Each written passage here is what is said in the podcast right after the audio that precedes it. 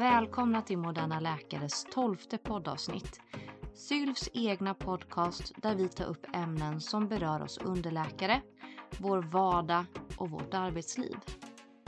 Jag hoppas att ni alla haft en bra sommar så här långt och fått den återhämtning som ni behöver. Ett allt vanligare sommarfenomen ute på sjukhusen är så kallade omvårdnadsunderläkare underläkare som anställs för att helt eller delvis utföra arbetsuppgifter som sjuksköterskor vanligtvis gör.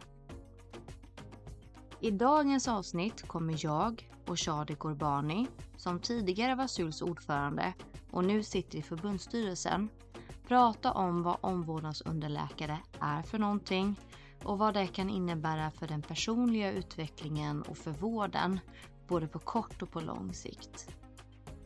Shadi har uttalat sig kritiskt till den här typen av tjänster, både i sitt ordförandeord i senaste numret av Moderna Läkare och även på Läkartidningens ledarsidor i det nummer som kommer ut idag, 9 augusti. Jag som håller i podden och intervjun heter Julia Borg och är chefredaktör för Moderna Läkare och ledamot i SYLF. Hej Shadi och välkommen tillbaka till podden. Hej Julia, vad roligt att få gästa Moderna Läkare igen. Ja, det är ju andra gången som du är med. Senast mm. var du ju med i ett avsnitt som vi släppte i mars där du pratar om hur det är att vara ny på jobbet och vilka utmaningar man kan stöta på då och, och vad man ska tänka på. Ja, det stämmer. Det var mitt första poddavsnitt någonsin och nu är detta min tredje faktiskt. Där ser man. Vad har du, vad har du gjort däremellan då? Det var ett avsnitt för Forum of Health Policy. Fick jag vara med i ett avsnitt där och prata om sjukvård och framtid och innovationer. Och idag ska vi prata mer om underläkarfrågor. Närmare bestämt ett fenomen som har hamnat mer och mer på tapeten. Omvårdnadsunderläkare. Alltså underläkare som inte bara utför vanliga underläkaruppgifter utan även rätt så i stor omfattning omvårdnadsuppgifter. Ja, precis. Och det här är ju ett relativt nytt begrepp eller fenomen som vi kallar det som funnits i några år i alla fall och det är ju helt myntad från arbetsgivarens sida och som du säger, det innebär rent krasst att man vill anställa underläkare som då studerar till läkare samtliga efter termin 9 till att i huvudsak utföra omvårdnadsuppgifter. Men Shadi, de som inte har lyssnat på podden innan eller känner till dig, vem är du och vad jobbar du med och vad, vad gör du annars när du inte poddar med mig? Ja, precis. Jag, eh, jag är då eh, ST i allmänmedicin, jobbar i Hässleholm och bor i Malmö. Jag är i sluttampen av min, eh, min ST. Jag har inte jättemycket kvar och då för detta ordförande för SYLF, avgick i maj. Och nu sitter jag som ledamot i förbundsstyrelsen i Läkarförbundet, bland annat, bland många fackliga uppdrag. Är det några särskilda frågor som du eh, driver eller brinner för i förbundsstyrelsen? Eh, det som jag brinner för är ju såklart eh, underläkarfrågorna av, av alla slag men primärvården står ju också väldigt nära hjärtat och sen ett litet sidointresse är försäkringsmedicin. Tycker jag också är väldigt kul. Det är ju lite av en nisch ja, att eh, tycka att försäkringsmedicin är intressant. Ja, och det, och det har ju uppkommit från att jag har tyckt att det har varit jättesvårt och obegripligt till att nu ska jag ge mig fan i att lära mig hur det här funkar och då har det helt plötsligt blivit jättekul. Det är kanske är ett ämne som vi kan komma återkomma till framöver, vem vet? Både podden och tidningen om Moderna Läkare. Ja, absolut. Med glädje. Om vi ska återgå till omvårdnadsunderläkare. Vet vi hur länge det här har förekommit? Först när det uppmärksammades stort var kring 2017 tror jag och då var det i Uppsala som man först kom ut med de här annonserna. och det skrevs mycket om det. Sen kan det ju kanske funnits även, även tidigare men jag tror att det var då som det uppmärksammades. I vilka regioner förekommer omvårdnadsunderläkare idag? Eh, I år när jag har kikat runt och, och tittat efter så har jag hittat att det har förekommit i Uppsala, Västra Götaland och Halland. En hel del av de här tjänsterna har jag hittat i Västra Götaland. Och, och det, det är just de här omvårdnadsunderläkare men också sommarvikarie underläkare är legitimerad i patientnära arbete. Så att även där har det varit lite olika titlar eh, men beskrivningen i själva annonsen har varit väldigt snarlik och även i den i Halland. Hur har man sett på de här eh, typen av tjänsterna liksom från Läkarförbundets sida eller från ja, läkarkollektivets sida? Det har eh, uppstått ganska mycket eh, kritik mot det och eh, faktiskt inte bara från Läkarförbundet men också Vårdförbundet vilket är ju helt naturligt.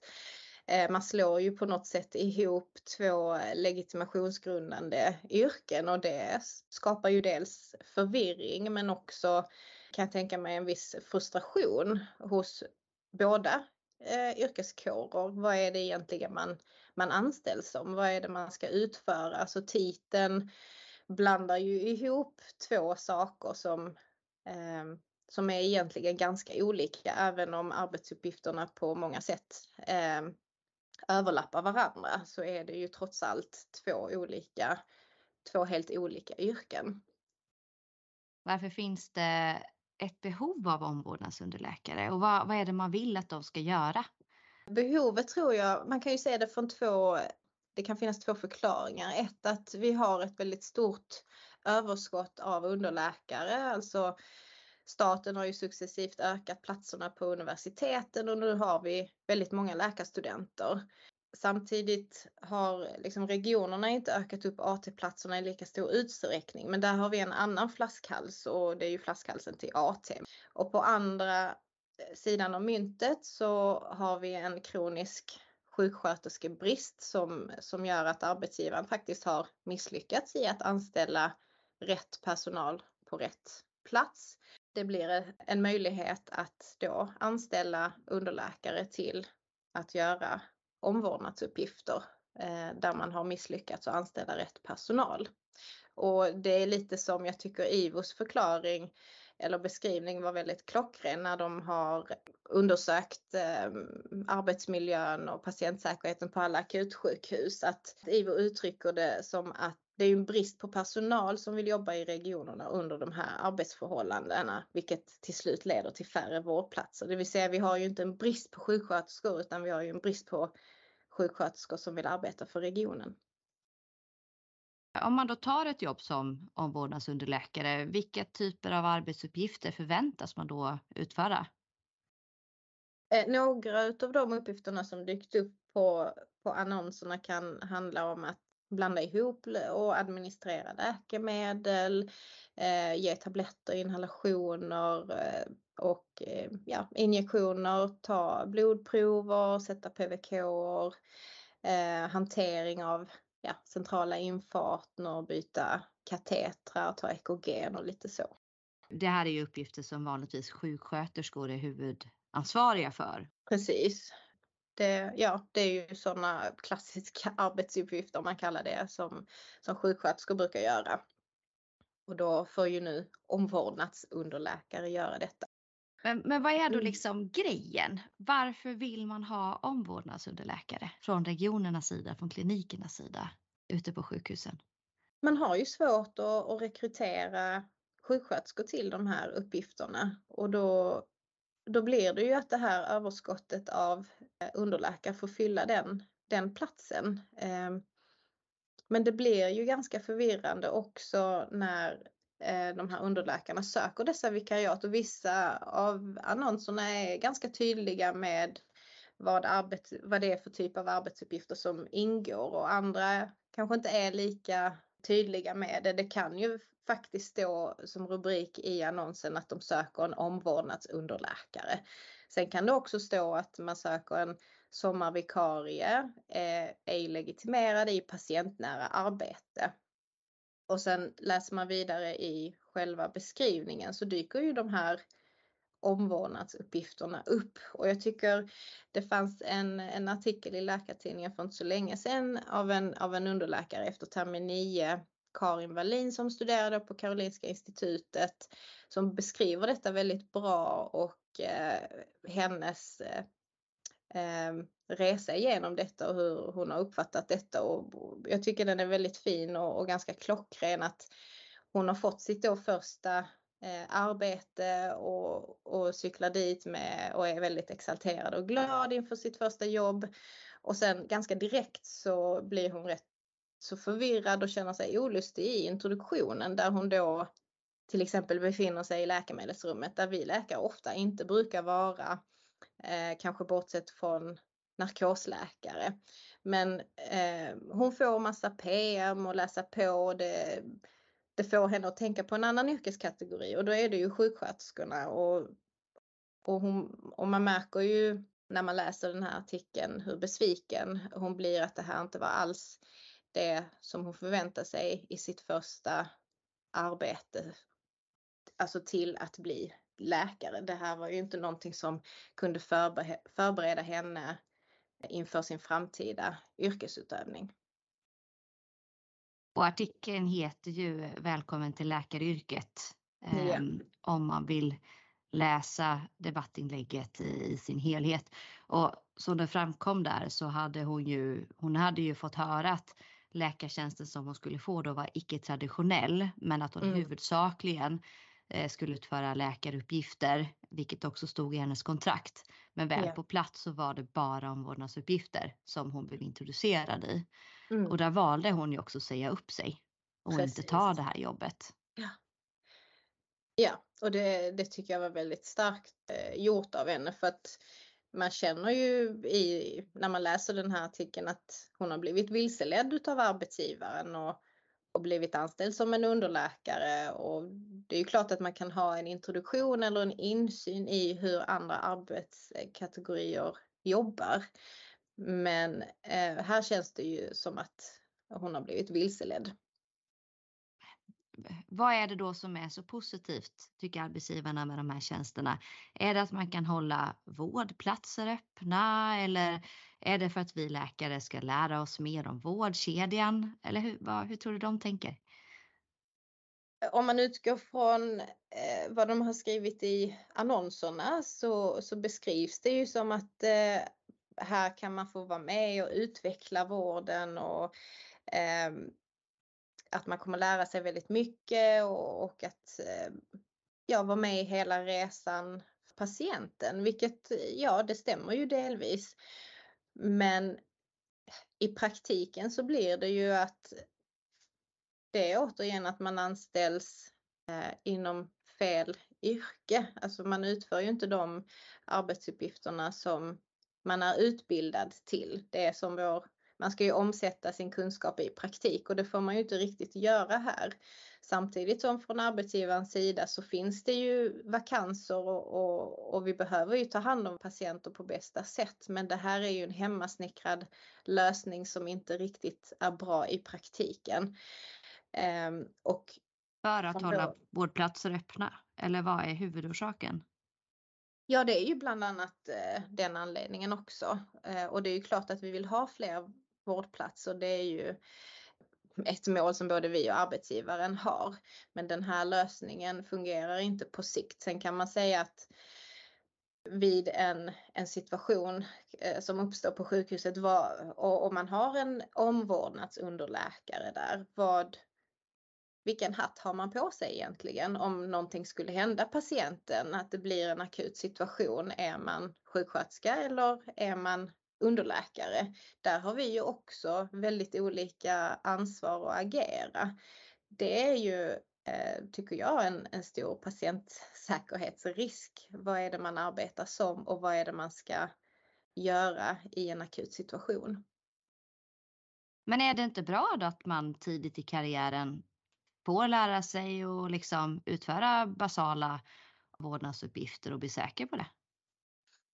Självklart är det det att ha insyn i hur andra yrkeskategorier jobbar. Eh, men just efter termin 9 när man har kommit så pass långt i sin utbildning då, då är det ju andra saker man ska fokusera på för att kunna utvecklas i sin roll. Dessförinnan eh, så är det ju väldigt bra eh, erfarenhet att ha. Men de här annonserna utgår ju uteslutande i att söka sig till läkarstudenter efter termin 9. Men om jag förstår det rätt Shadi så menar du att, eh, att jobba med undersköterskor liknande tjänster, omvårdnadsuppgifter liksom tidigare under sin utbildning kan vara positivt men inte när man väl får jobba under förordnande som läkare. Precis, den erfarenheten kan vara väldigt bra att ha tidigare under, under utbildningens gång. Man ska ju få lära sig på läkarutbildningen och sätta kateter och, och mm. sätta PVK. Det ska ju vara som det ska man vara mm. färdiglärd i när man väl börjar jobba som underläkare. Ja precis, nu, nu studerar jag ju i Polen men det fick vi ju också göra eh, under de första åren just det här med att sätta katetrar och, och ta blodprov och, och sådär. Så det finns ju ändå en viss insikt som och erfarenhet som uppkommer även under utbildningen och den kan ju såklart omvandlas till praktik inom, under de åren som man faktiskt gör detta under läkarutbildningen också. Men därefter så behöver ju arbetslivserfarenheten motsvara det man lär sig på universitetet för att kunna omsätta det, den kunskapen i praktik.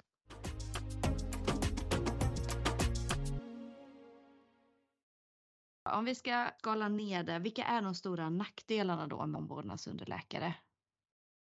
Ja, en av sakerna är ju att det blir ganska förvirrande eh, som både Läkarförbundet och Vårdförbundet har gått ut med. Vad är det egentligen man anställs som? Det här är två yrkeskategorier som slås ihop och då blir det rätt förvirrande. Vad är det dels för arbetstagaren? Vad är det för typ av tjänst man söker egentligen? Vad är det man ska förvänta sig?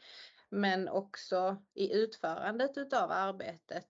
Eh, är man underläkare eller är man sjuksköterska? För att uppgifterna är ju det som i, praktiken definierar vad vi, vad vi lite arbetar som ju eh, med de här tjänsterna.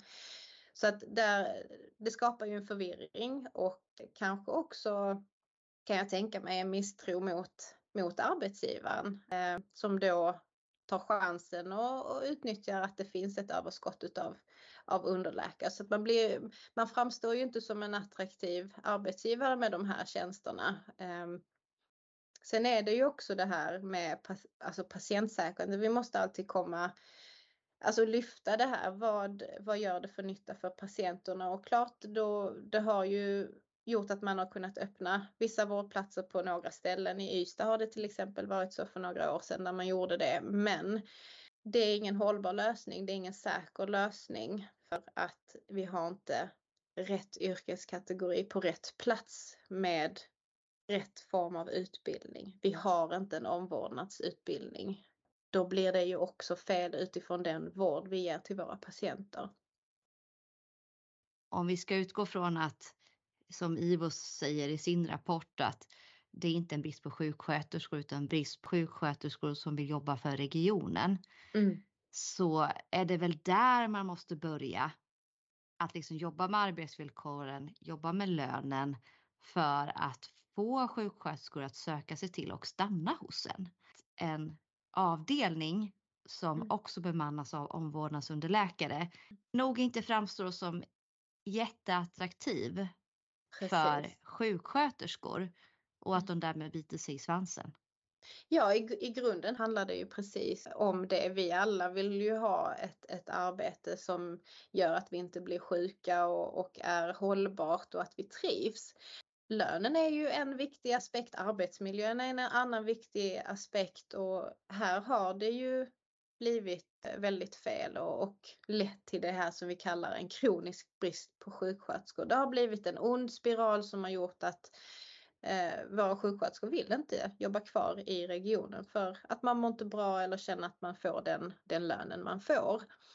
Och då, då behöver ju arbetsgivaren ta det ansvaret och bemöta den kritiken och, och faktiskt bli en attraktiv arbetsgivare som de säger att de vill, vill vara. Så att det behöver ju ske ett, ett stort eh, omtag och återvinna det förtroendet och faktiskt attrahera våra duktiga sjuksköterskor till oss igen. Men, men Shadi, vad är eh, Läkarförbundets hållning till den här typen av tjänster?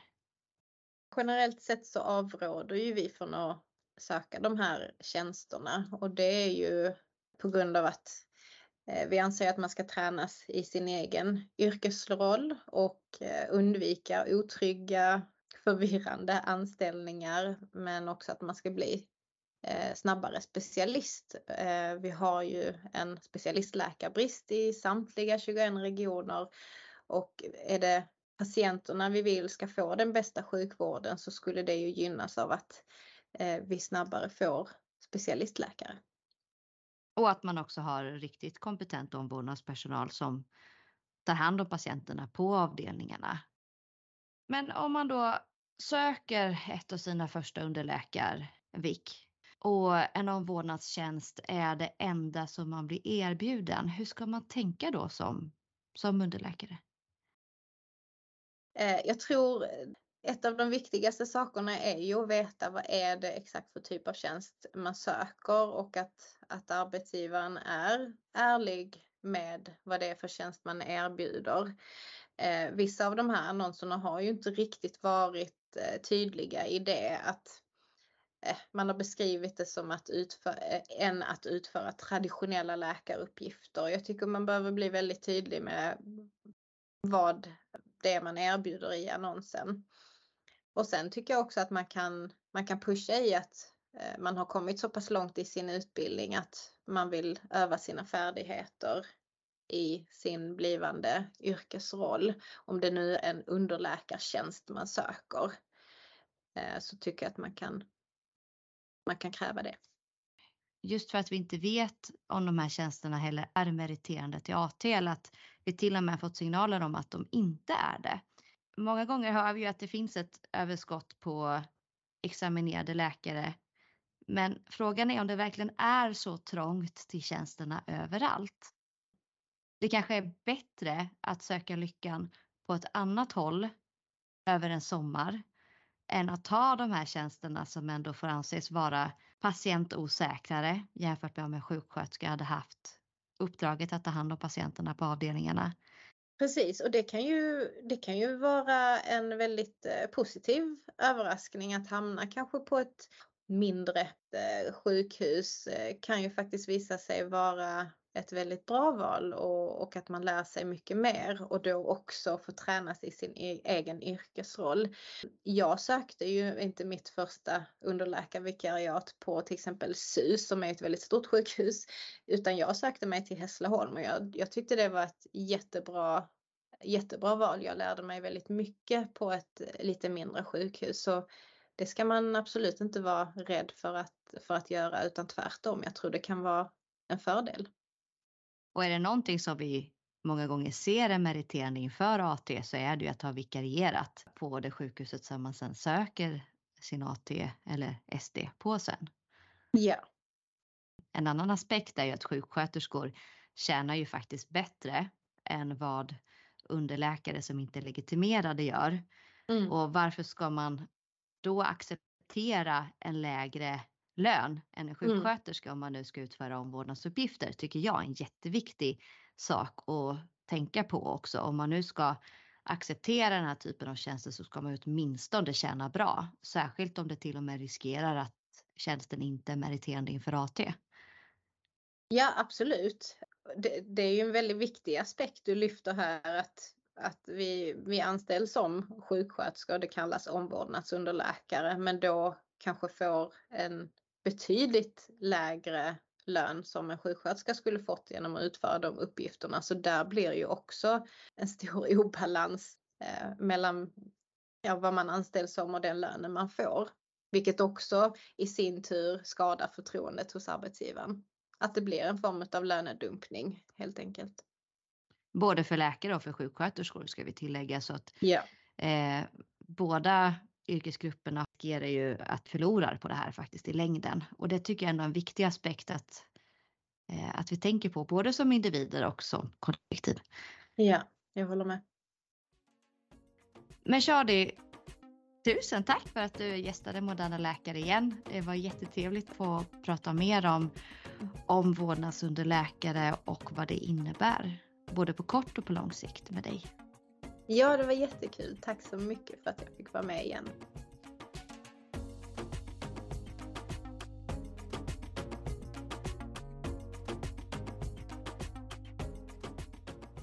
Tack för att du har lyssnat på det här avsnittet. Om du själv upplever att du blivit lovad en underläkartjänst men sen fått jobba mestadels med omvårdnad så tveka inte att kontakta din lokala asylförening eller om du fortfarande läser på läkarlinjen SLF student. Nu tar podden sommarpaus men vi är tillbaka igen 6 september precis efter att AT-rankingen har släppts så missa inte det. Glöm inte att följa podden i din poddspelare så missar du inte några avsnitt som släpps. Ha det så fint så länge.